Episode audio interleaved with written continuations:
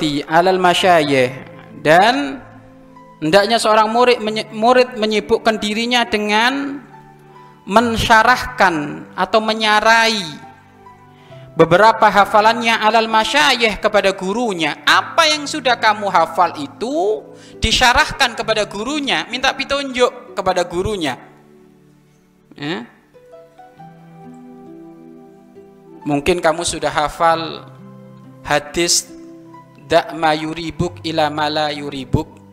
Gak cukup hanya hafal di situ, tapi kamu sampaikan. Ustadz, Syekh, Kiai, apa maksud hadis ini? Mohon disyarahkan apa? Ya? Nah ini seperti itu.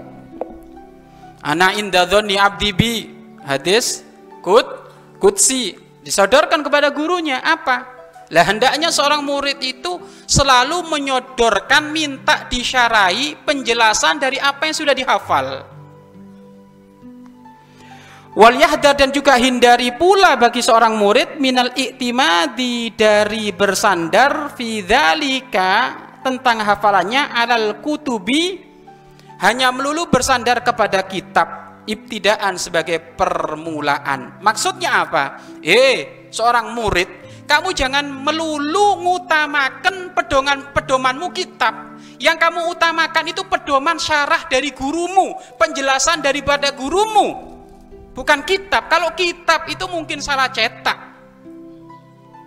Makanya yang paling penting di dalam belajar itu bukan isi kitabnya ini. Karena isi kitab itu selalu dicetak setiap tahun. Tapi yang paling penting itu apa? Fawaid minasyaikh faedah-faedah dari gurunya di dalam di saat menjelaskan itu loh. Karena kamu kalau membaca kayak gini dok, mungkin kamu nggak paham, makanya butuh bimbingan ini. Nah ini, makanya unik bin ajaib kalau ada santri di saat belajar belajar membaca kitab, kalau ternyata kitabnya nggak ada yang dicoret-coret, oh berarti nggak jalan ini orang. Karena oh pemahamannya seperti ini, pemahamannya seperti ini. Ya, lah jangan engkau berpegang teguh dengan kitab. Kenapa? Karena kitab itu setiap tahun dicetak. Tapi kalau fawaid minasyoyu atau fawaid minasyekh, faedah-faedah dari gurumu, kamu nggak bakal dapat kecuali kamu duduk dengan guru gurumu. Talaki dengan gurunya.